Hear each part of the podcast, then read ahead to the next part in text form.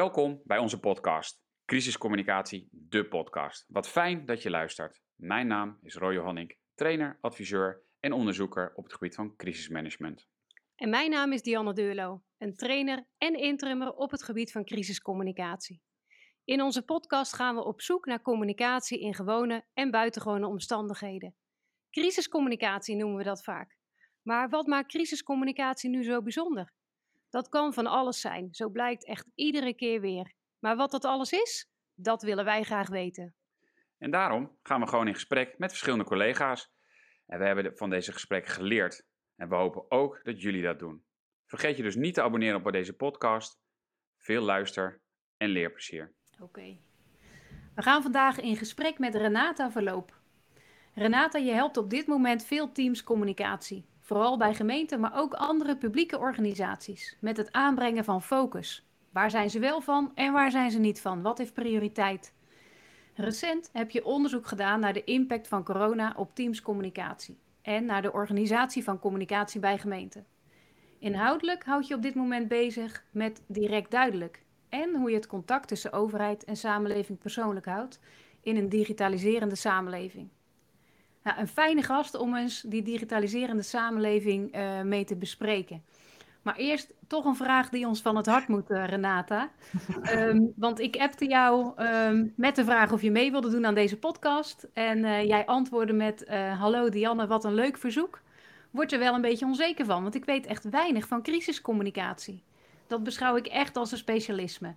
Maar ik vind jullie podcast heel leuk, dus ik vertrouw op jullie oordeel daarover. Nou, dan zijn wij natuurlijk benieuwd waarom jij reageerde met, ja, waarom is het nou echt een specialisme, crisiscommunicatie? Ja, nou, goedemorgen Roy en uh, Dianne. En uh, bedankt voor de uitnodiging om hier te zijn, heel erg leuk. Uh, ja, die reacties en jullie vraag daarover zetten mij zelf ook alweer even aan het denken. Het is natuurlijk niet zo dat ik helemaal geen verstand heb van crisiscommunicatie en dat zou een beetje gek zijn.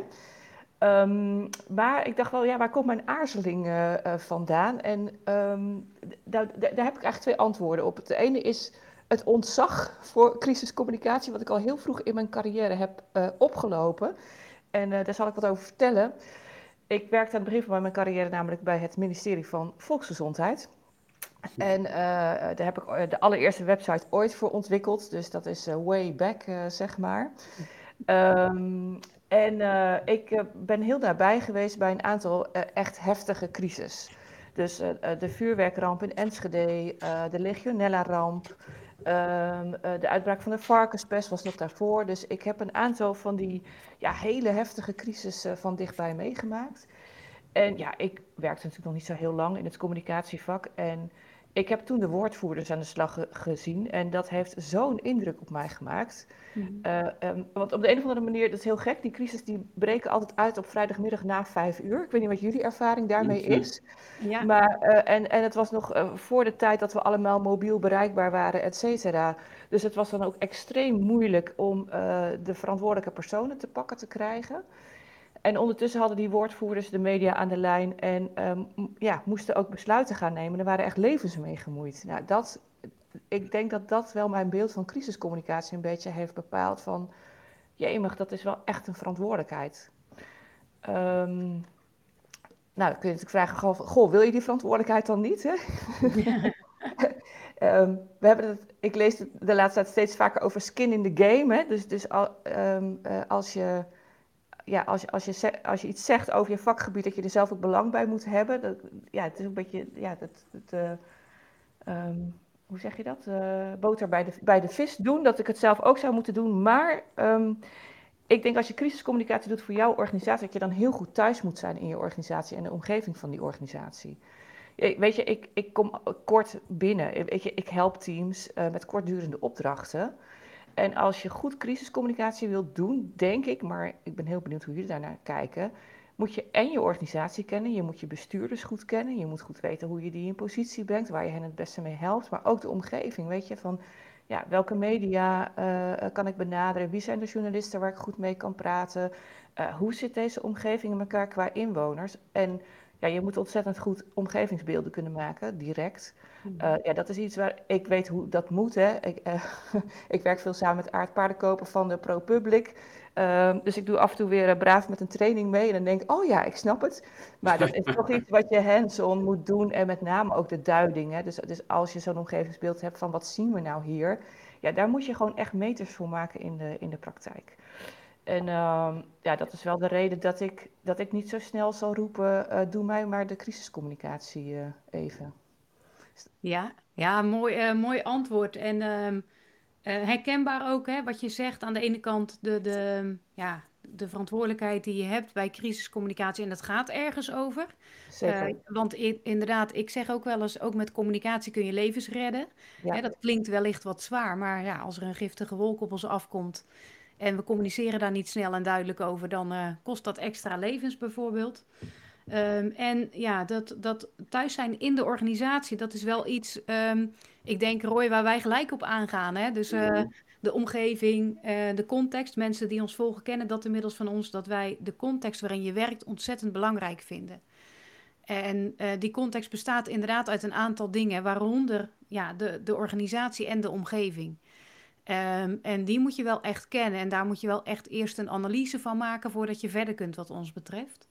Um, dus dat, ja, dat klinkt heel herkenbaar wat jij, uh, wat jij aangeeft. Ja, en toch, Dianne, wat wij ook wel hebben gehoord van de woordvoerders, om dan Renate je vraagt van wat vinden jullie daarvan. En de meeste woordvoerders die we spraken, ook in deze podcast, en uh, Koen van Tankeren was daar heel expliciet in, die zei van ja, ik, ik hoef niet meteen een vertrouwen op te bouwen. Ik moet gewoon weten dat ik erop kan vertrouwen hè, dat de organisatie voor wie ik communiceer, dat die mij alles vertellen.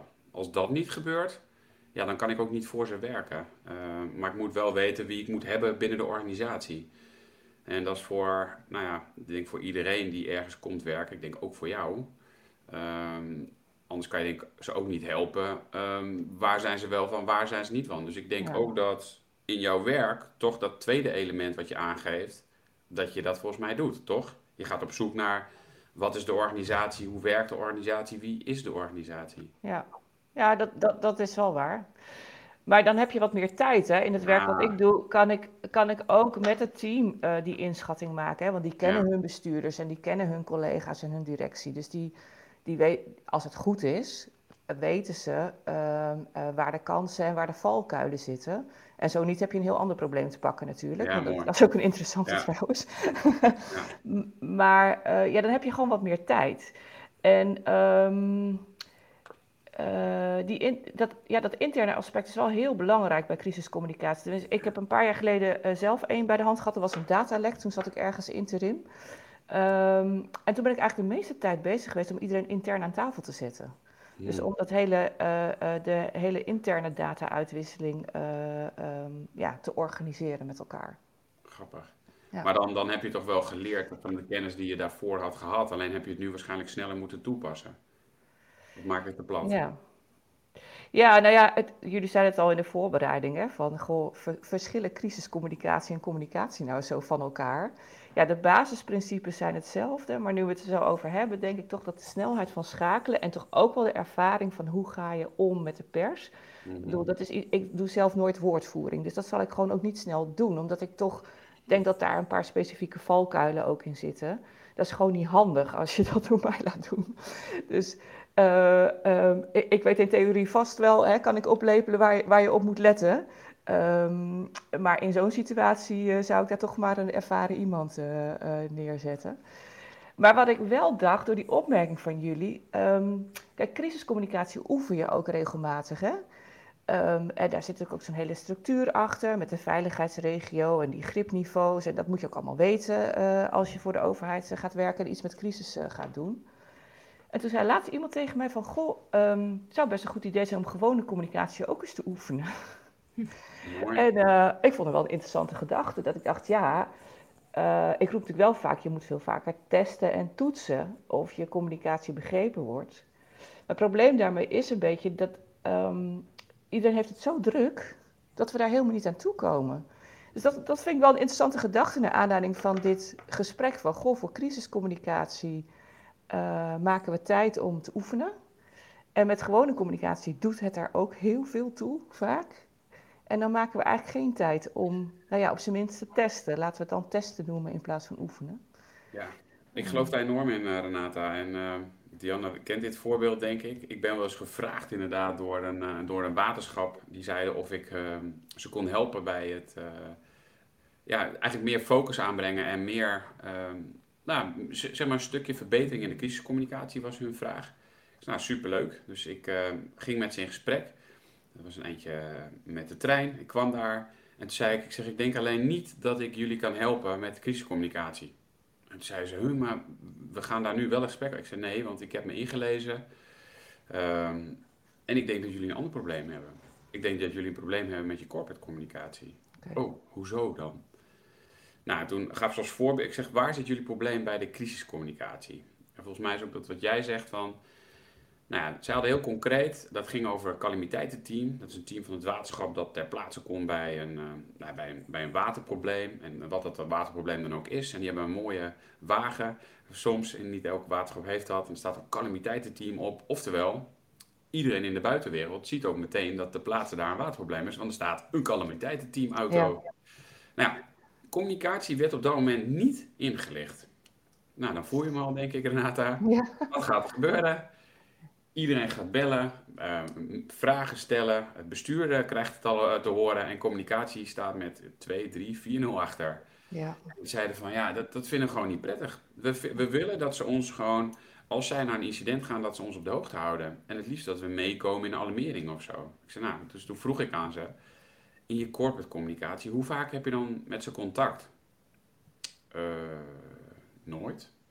Ik zeg, oké, moet ik nu nog vertellen waarom je in de crisiscommunicatie een probleem hebt? Ja. Wow, zeiden ze. Oké. Ja. Dus ik vind jouw gedachte wel interessant en ik geloof daar echt sterk in. Uh, want ik denk dat hetgene wat jij doet qua werk, dat het enorm zinvol is voor de teams die later in een crisis komen. Ja. Heb je ze daar wel eens naar gevraagd? Of, of hebben ze de teams waar je bent geweest, hebben die wel eens een crisis gehad en zeiden van, oh Renate, we hadden eigenlijk heel veel aan, gewoon, aan jouw focus en aan aan jouw ondersteuning. Maar we hebben dat nooit ons gerealiseerd. Maar nu tijdens deze crisis. Nee, die, dat hebben we nog niet expliciet in zitten. Maar dat is natuurlijk wel een hele leuke trigger om, uh, om dat mee te gaan pakken. Maar ik herken wel heel erg wat jij zegt. Dat, dat contact met andere afdelingen. Van hoe onderhoud je dat? Ja. Ja. En het raakt ook heel erg aan, uh, nou ja, jullie kennen hem, het aloude uh, beklag van communicatie. We zitten niet op tijd aan tafel of we mhm. worden niet op tijd betrokken. Um, ja, daar maken wij redelijk korte metten mee ook in, uh, in communiceren met focus. Omdat uh, wij geloven er heilig in dat je jezelf op tijd aan tafel kan zetten als je weet wat er op je organisatie afkomt. En we doen dat heel gestructureerd. Dus wat we eigenlijk met gemeente doen is, uh, we pakken het coalitieakkoord erbij of het raadsakkoord en de begroting voor komend jaar. Uh, en het kan ook nog een meerjarenbegroting zijn, of de voorjaarsnota, of nou ja, wat voor strategisch document dan ook. Ja, daar staat gewoon in wat de organisatie gaat doen. Mhm. Dus dat kun je scannen en dat, daar kun je uh, in lezen uh, wat er op je afkomt. Sterker nog, daar staan soms gewoon bestellingen aan communicatie in. Sommige teams schrijven gewoon doodleuk op: we gaan een campagne doen tegen discriminatie. Of we gaan de communicatie met inwoners verbeteren over X, Y of Z. Ja, dat zie je dus van tevoren aankomen. En als je denkt, oh, dat vinden wij helemaal geen goed plan, of we weten niet zo goed waarom dit team dat wil, dan kan je de stap vooruit zetten en daarover in gesprek gaan. Dus wat wij doen met teams is eigenlijk, ja, we noemen dat inventariseren, uh, clusteren, kiezen. We gaan eerst kijken wat het werk is dat er ligt. Je kunt gewoon een inventarisatie maken van het werk dat er ligt. En heel veel van dat werk hangt samen met elkaar, dat is ook heel interessant. Uh, dus daar kan je in communicatie ook mooi die samenhang in aanbrengen.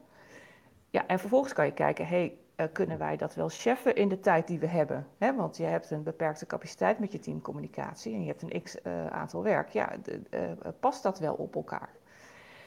Dat helpt heel erg in dat vooruitschakelen. En in dit proces horen wij heel veel van teams, en daarom haak ik erop aan, Roy, um, dat ze zeggen, oh ja, we, we zijn ooit begonnen met account management, maar dat is weer verwaterd.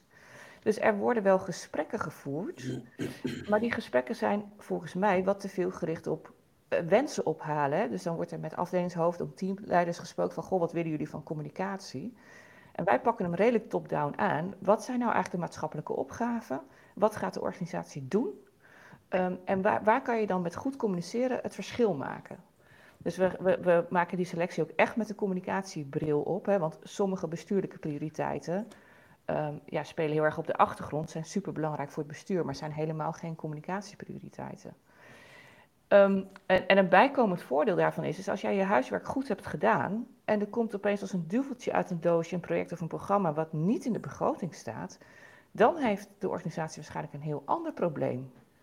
Want ja, dan kunnen er blijkbaar zomaar dingen ontstaan die tijd en geld kosten. Um, nou, dat kan natuurlijk best gebeuren, hè, dat je moet bijsturen. Maar dan moet je ook bijsturen op tijd en capaciteit voor communicatie.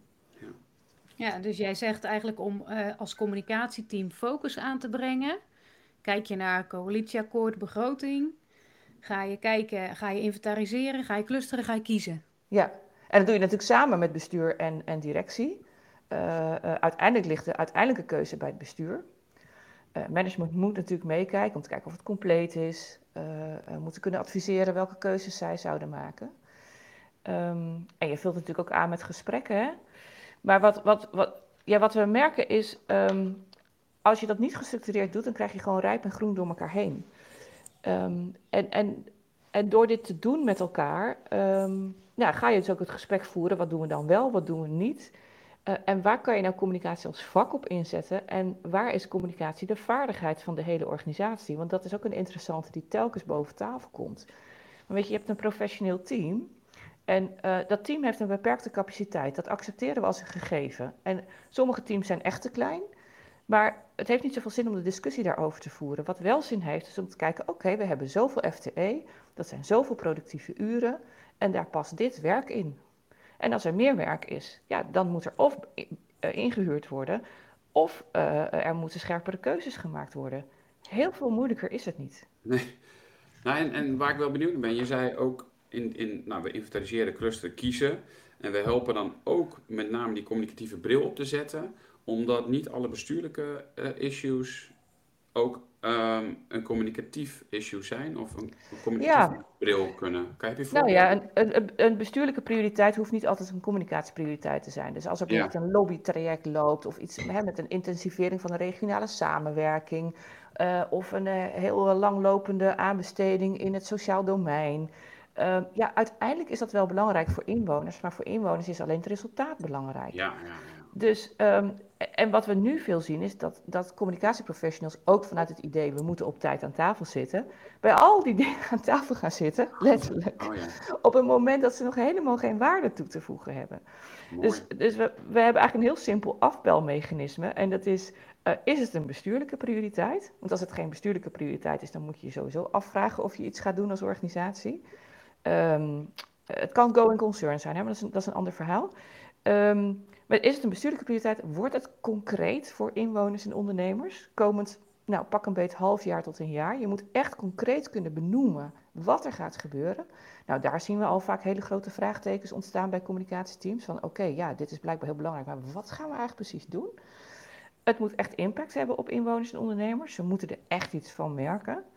Um, en het vierde is, je moet met goed communiceren het verschil kunnen maken. En een berucht voorbeeld van die laatste is, uh, is het afvalbeleid. Hè. Afval is altijd een uh, gedoetje, uh, zeker als de inzameling verandert. Ja, en de, en, en de, de standaardoplossing is een campagne en beter communiceren. Terwijl de oorzaak dat mensen hun vuil naast de container gaan zetten, is natuurlijk vaak een heel andere. De container zit vol, of ze zijn het niet eens met de manier van inzamelen, of nou ja, whatever. Dus je moet altijd heel goed afwegen of communicatie wel de goede interventie is. Ja, die laatste, weet je nog Dianne, dat dit een van de grootste issues was in het begin van corona? Het verschillende beleid op afval, dus ik moet daarom ook een beetje lachen. Ja, ja dat is waar. Ja, nu je dat zo zegt, komt dat weer even terug. Oh. Ja. Maar wat mij triggert, um, kijk en daar, eigenlijk als je nou weer naar crisiscommunicatie kijkt, je zegt, dat vind ik wel een mooie, je zegt bij corporate communicatie, omdat we maar een beperkte club hebben, en dat hebben we met uh, crisis ook. Hebben we ook een crisisorganisatie, hebben ook een beperkte club mensen, een beperkt FTE-aantal. Um, moet je zelf je afvragen of je bij het hele traject, het aanbestedingstraject, wel aan tafel wil. Dat kost enorm veel tijd en je hebt daar geen waarde toe te voegen, zeg Precies. Maar volgens mij zit daar dan ook nog een verschil met de crisiscommunicatie tijdens een, um, een incident, ramp of crisis, of een calamiteit, of hoe je het ook benoemt. Um, omdat je volgens mij altijd waarde toevoegt. Ja. Of ben ik nu ja, ik denk namelijk dat Ja. we dan altijd aan tafel moeten Ja, zitten. ja. Nou, wat we ook doen is, ehm, ehm, eh, een, een van, de, van de voorwaarden om het communiceren met focus eh, goed te kunnen doen, is te weten hoeveel tijd je hebt. Mhm. En we hebben een soort tijdsmodel ontworpen. Ja, het model is misschien een beetje een zwaar woord, maar, eh, eh, maar we merken dat die heel erg aanslaat. Je hebt eigenlijk drie soorten tijd die je kunt besteden. En de eerste tijd die noemen we de vaste tijd. Het is eigenlijk een soort van het onderhoud van je communicatieinfrastructuur. Eh, je weet dat je daar altijd tijd aan kwijt bent. Dus hè, het onderhoud van je website, je intranet, eh, webcare, eventueel newsroom, eh, de, de, lokale, de, de gemeentepagina in de lokale krant. Al die dingen waarvan je weet, nou daar kan ik eigenlijk de klok op gelijk zetten dat ik daar elk jaar zoveel FTE aan kwijt ben. En wij zetten daar tegenwoordig ook de terugkerende gebeurtenissen bij.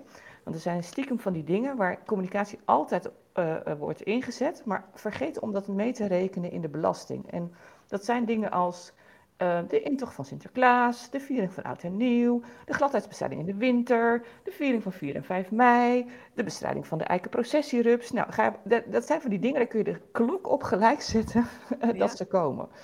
En je zou daar ook bijna, nou, we, we, we adviseren bijna standaard een FTE kunnen doen voor de, voor de communicatie over de openbare ruimte. Dus de wegwerkzaamheden, de bomenkap, levert namelijk altijd gedoe op, moet je altijd bij zijn. Dus dat zou je bijna communicatie-infrastructuur kunnen noemen. Dus die, die vaste tijd die kan je uitrekenen. Daarnaast wil bestuur logischerwijs dat er altijd tijd is voor communicatie om in te springen als er echt wat is.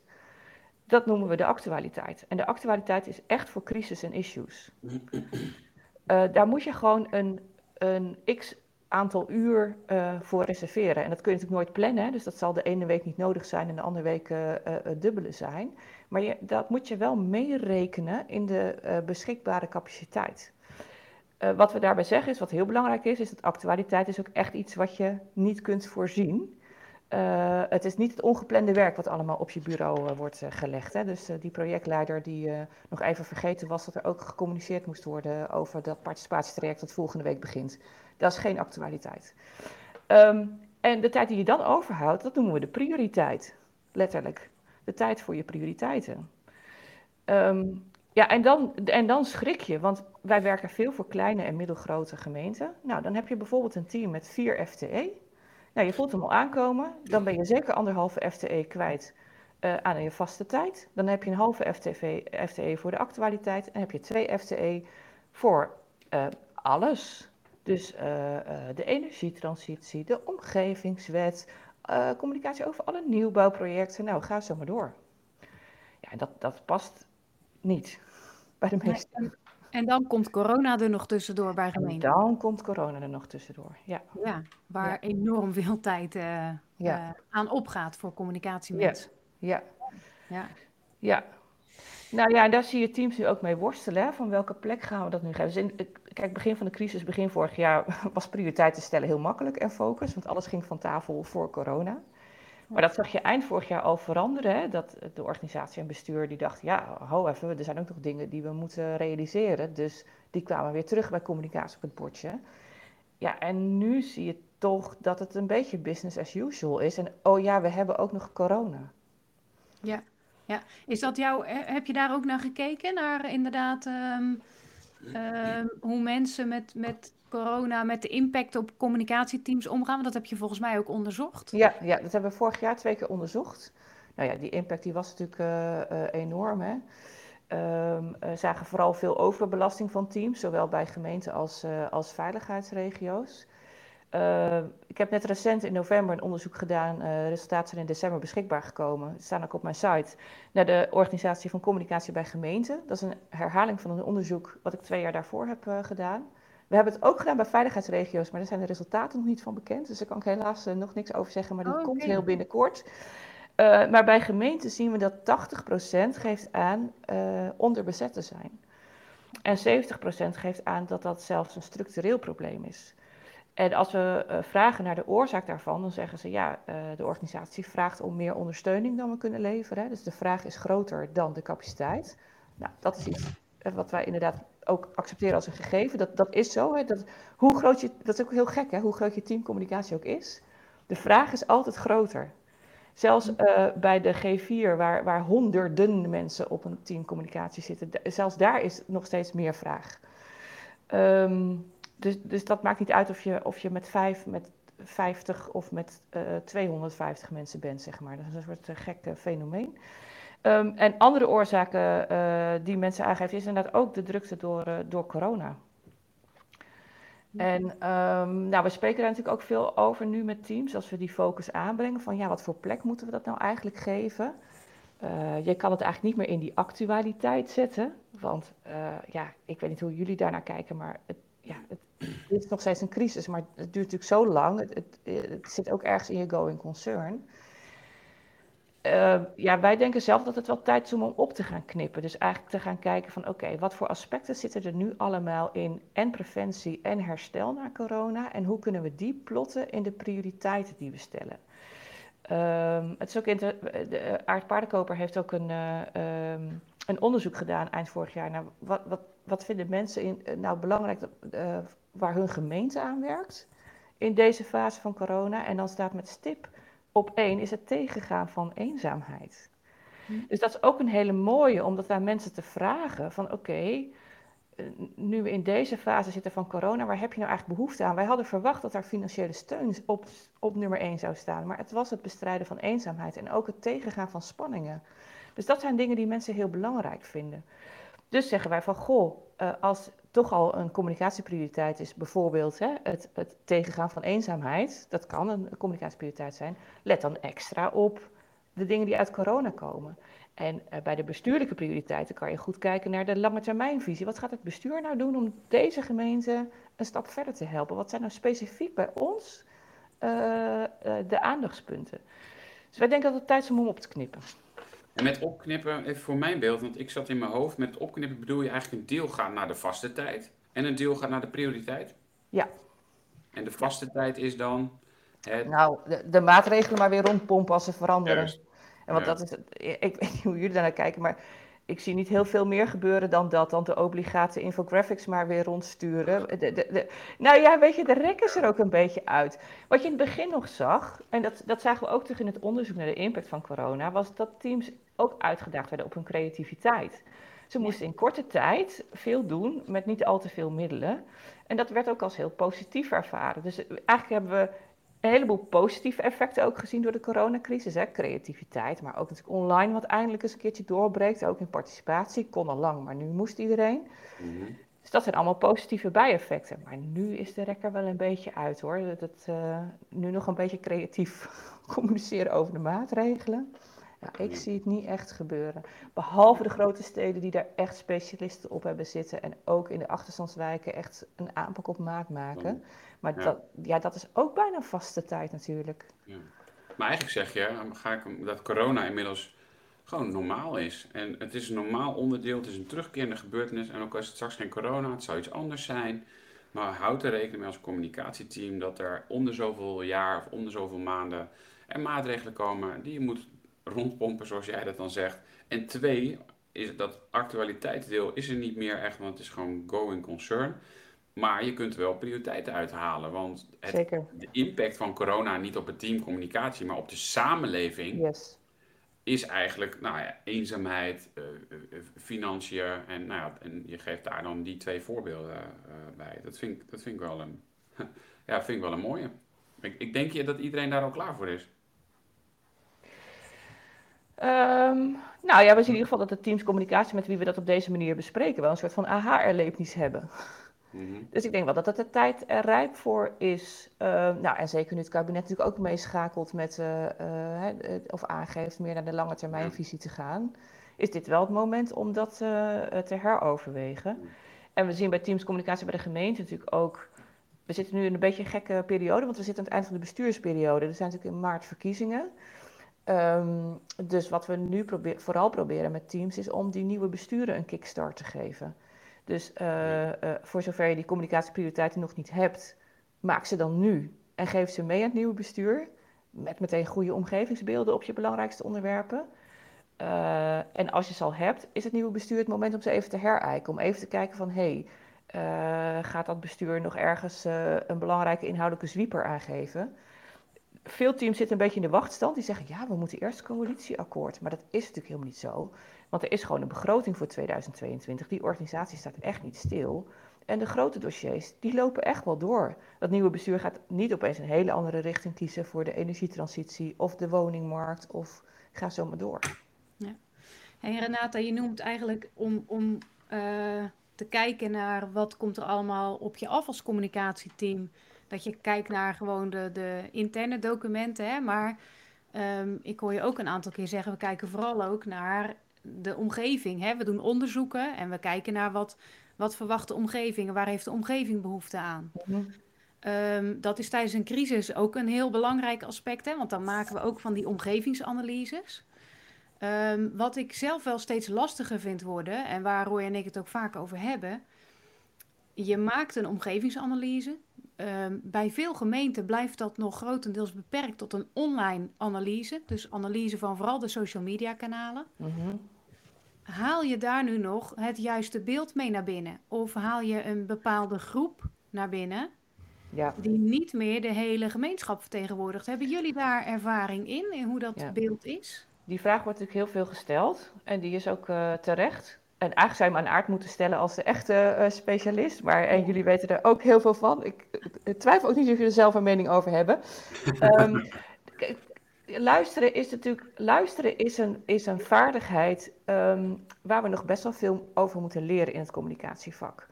En uh, het misverstand is, is dat als je bijvoorbeeld luistert op social media, dat je dan weet of mensen voor of tegen iets zijn. Dat weet je natuurlijk nooit, want op social media zit gewoon maar een gedeelte van de mensen en hoor je alleen het sterkste geluid. Um, wat je daar wel van leert, is wat voor argumenten mensen gebruiken en wat voor woorden mensen gebruiken. Dus, dus uh, um, een mediamonitoring, dat, dat leert je dus iets, hè, maar het is niet compleet. En ik, kan me voorstellen, in crisiscommunicatie heb je volgens mij niet zo heel veel anders op dat moment. Maar in uh, communicatie natuurlijk wel, als je bezig bent met je communicatieprioriteiten. Dus uh, uh, ja, je kunt aanvullend onderzoek doen. Hè? Dus je, je kunt mensen vragen hoe ze ergens in zitten, om toch dat stille midden te peilen, om die term maar te laten vallen.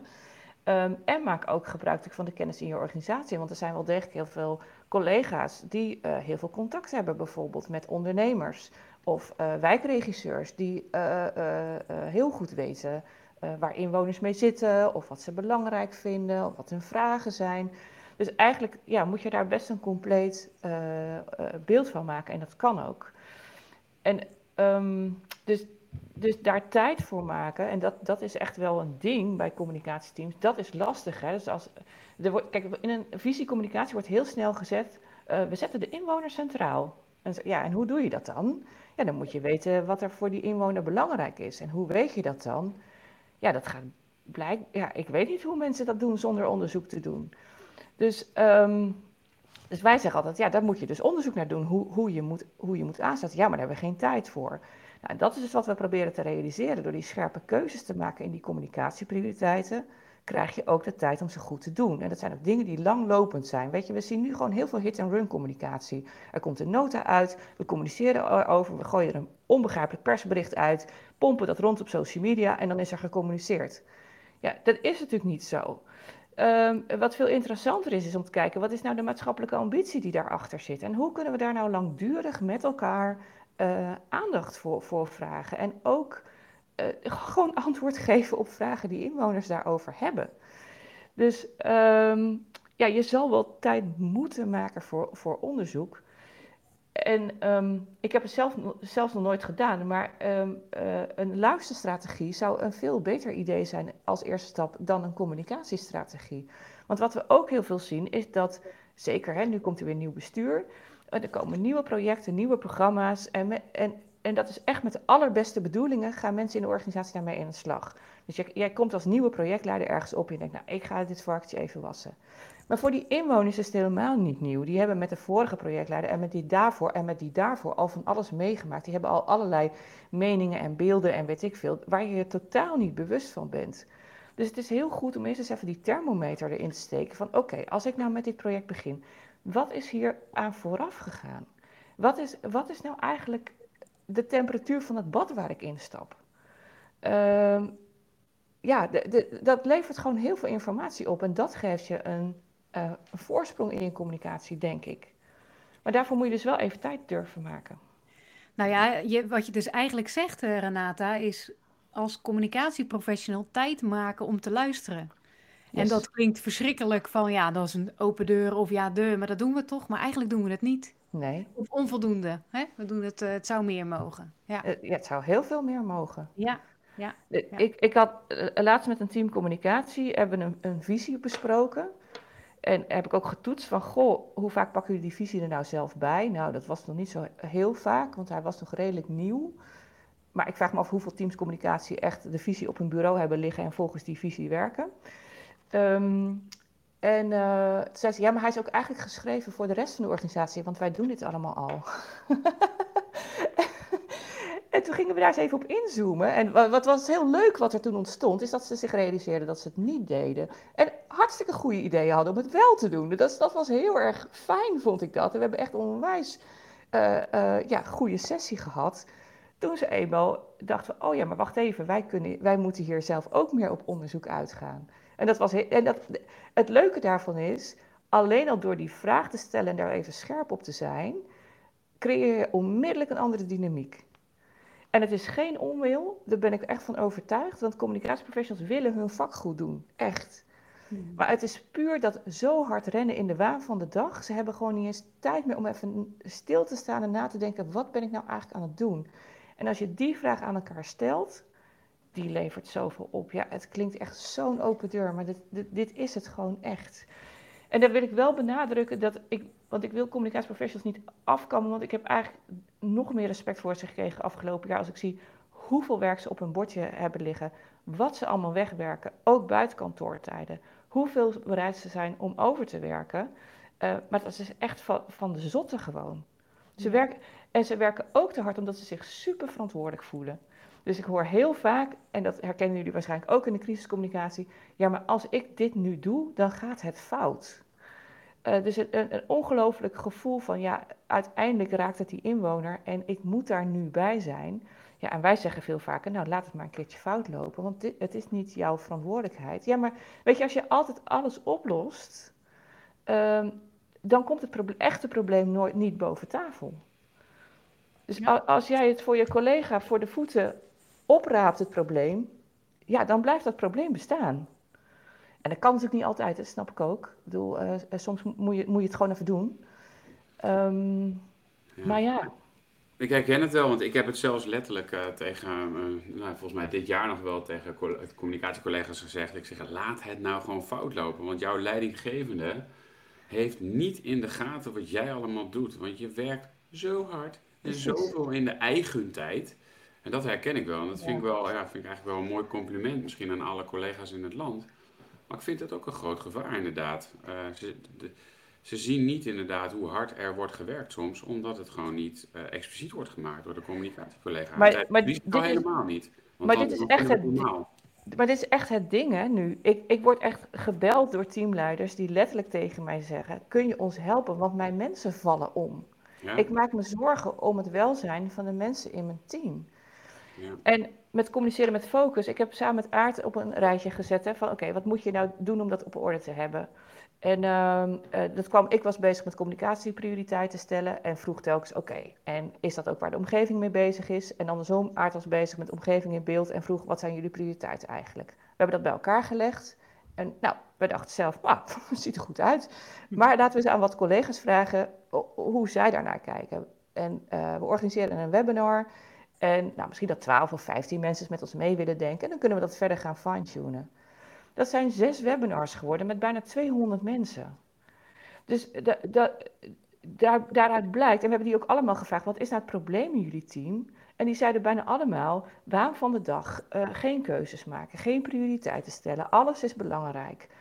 Ehm, dus dat heeft ons geleerd dat daar de pijn op dit moment zit. En gek genoeg ehm, is het een soort verwaarloosd stukje in ons vakgebied of zo.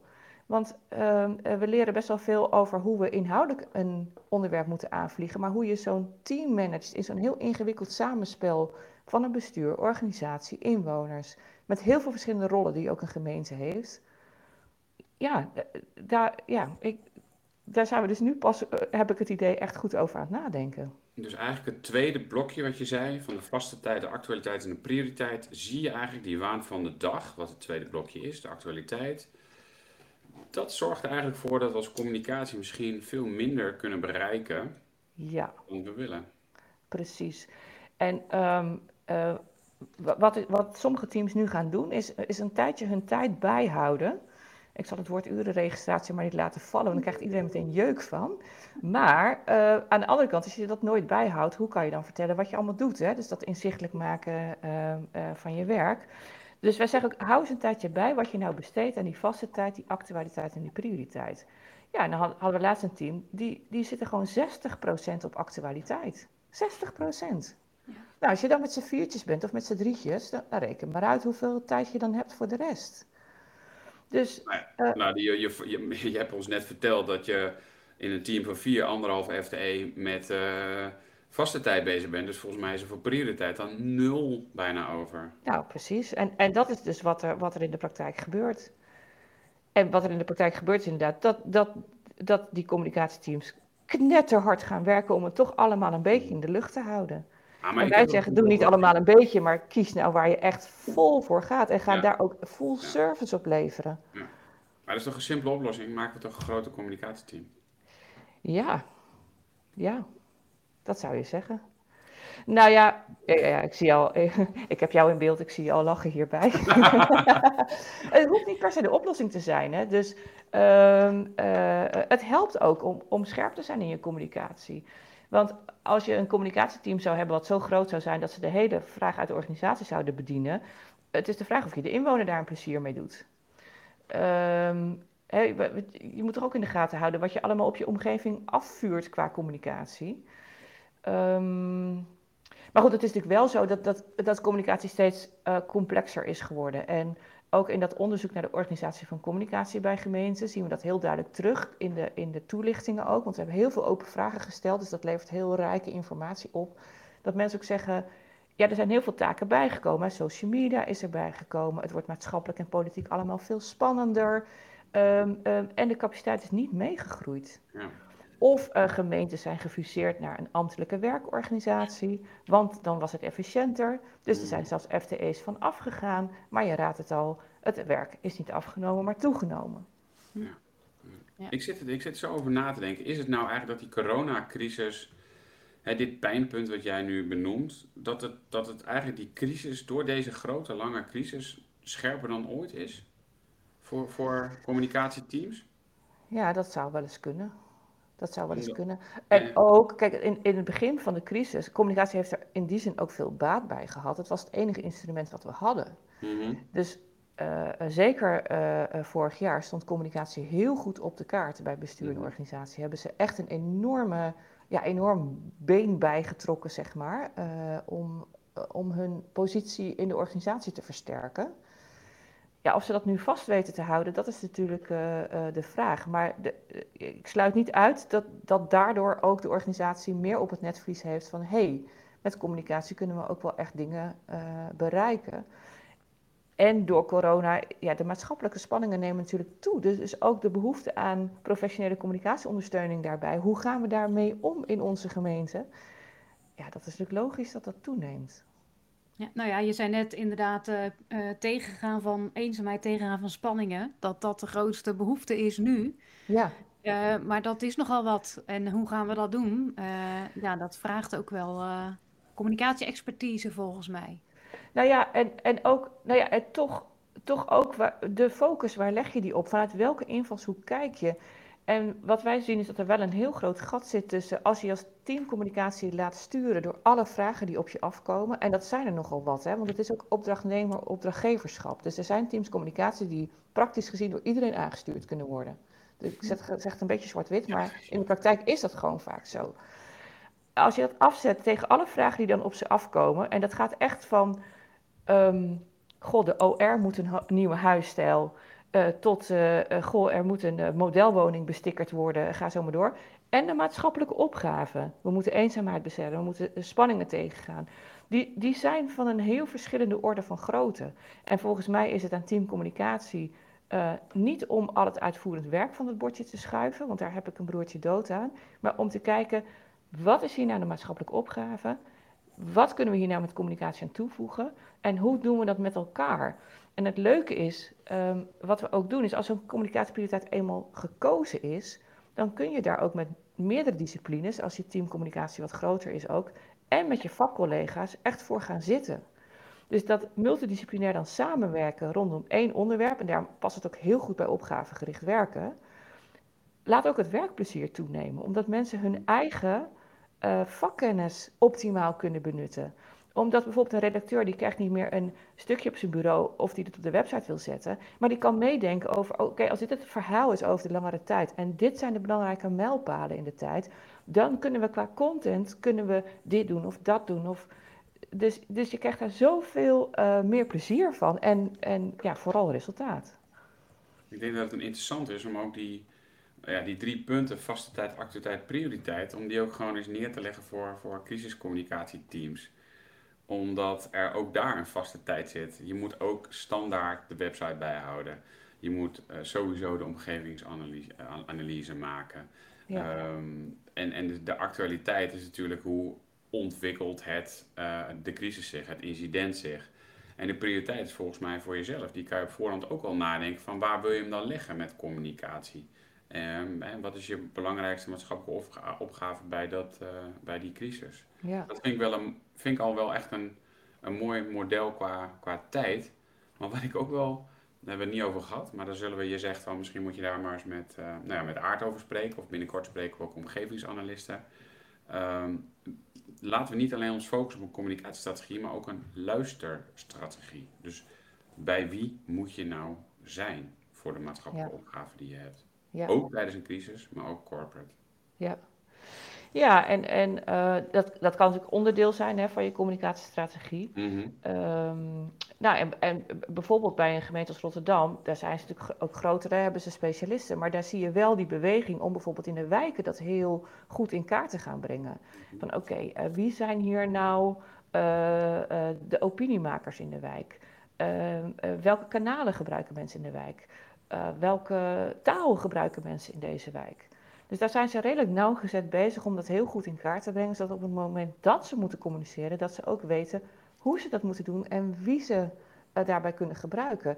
En, en dat kan soms heel simpel zijn. Op het moment dat er een gemeentebrede enquête wordt uitgezet, dat je dat per wijk met een ander beeld doet in je, op je social media.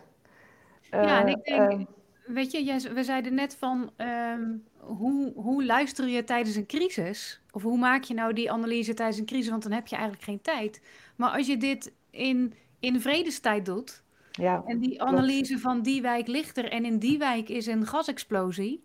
Klopt. Dan kan dat toch, ik, ja, ik word ineens heel enthousiast. dan kan dat toch enorm veel helpen om, om, om voor die situatie je communicatie ook vorm te geven. Ja, ja. ja dat lijkt mij ook. Ja, ja. ja.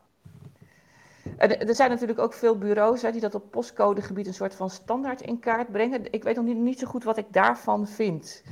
Um, want ik denk ook dat het nog wel per onderwerp heel erg kan verschillen, zeg maar. Um, dus, uh, nou ja, even om hem heel plat te slaan. Uh, uh, dat, dat er nog steeds heel veel mensen op Facebook, willen, op, op, Facebook zitten, wil nog niet zeggen dat jij als gemeente ze daar kunt bereiken als er wat aan de hand is of als je wat kwijt wil. Dus dat, dat is toch nog behoorlijk maatwerk. En in hoeverre je dat helemaal op basis van eigen onderzoek moet doen, of al bouwstenen kunt gebruiken die er zijn, dat weet ik gewoon niet zo goed. Maar het is wel de moeite waard om daarnaar uh, te kijken, denk ik. Zeker als je een wat kleiner team uh, hebt. Ja, mooi. Um, ja, we gaan een beetje richting uh, de tijd, richting het einde van de podcast. En voor mijn gevoel hebben we ook nog nog heel veel niet besproken, Renata. Ja, heerlijk, hè? Ja, zo gaat het altijd. Hè? In het begin zeg je dan, oh, nou, drie kwartier. Uh, ja, en oh, ik denk, ja, we hebben nog uh, wat onderzoeken en vooral het vertrouwen. Maar nou, misschien moet er ook gewoon een keer een deel 2 komen. Maar um, in, in ieder geval, wat ik wel van je heb geleerd is... Nou, thuis zijn in de organisatie. Daarin eigenlijk eh, inventariseren, clusteren, kiezen en dan Hè, bepalen wat je als communicatieteam gaat doen. Uh, dan ook kijken naar de tijd die je eraan besteedt. Uh, je geeft aan dat je de tijd kunt indelen in drie, uh, in drie blokjes eigenlijk. Vaste tijd, actualiteit en prioriteit. Ehm, ja, en wat heel belangrijk is, is ehm, ja, eigenlijk wat is nou de maatschappelijke opgave? Hè? Wat is onze maatschappelijke opgave? En vervolgens voor een communicatieafdeling, ja, welke bijdrage kunnen wij daarin leveren? Is Zeker. dat een samenvatting van, uh, van wat we hebben besproken? Dat is een hele goede samenvatting. En wat ik meeneem is wat Roy net even terloops noemde, was de eigen tijd. Ik denk dat we die maar in potlood aan het, het tijdsmodel moeten toevoegen. Om inzichtelijk te maken dat als die extra tijd er niet komt en je toch alles blijft doen, dat je het dan dus in je eigen tijd gaat doen. Dus uh, dank daarvoor voor deze leuke toevoeging. Ja, een uh, vierde blokje bij het invullen. ja, ja, je moet niet helemaal losgaan hoor, want dan uh, krijg je ook nog, uh, maak het bestuur gelukkig tijd en zo. Maar ja. je moet het een beetje beperken. Ja. Maar die eigen tijd is toch wel echt een, een goede om, om in de gaten te houden. Zeker. Oké, okay. dankjewel Renata voor dit mooie gesprek. Dankjewel Dianne en Roy. Bedankt voor het luisteren. Wil je meer horen van onze zoektocht naar wat crisiscommunicatie zo bijzonder maakt? Vergeet je dan niet te abonneren op onze podcast. Tot een volgende keer. En delen, dat mag uiteraard.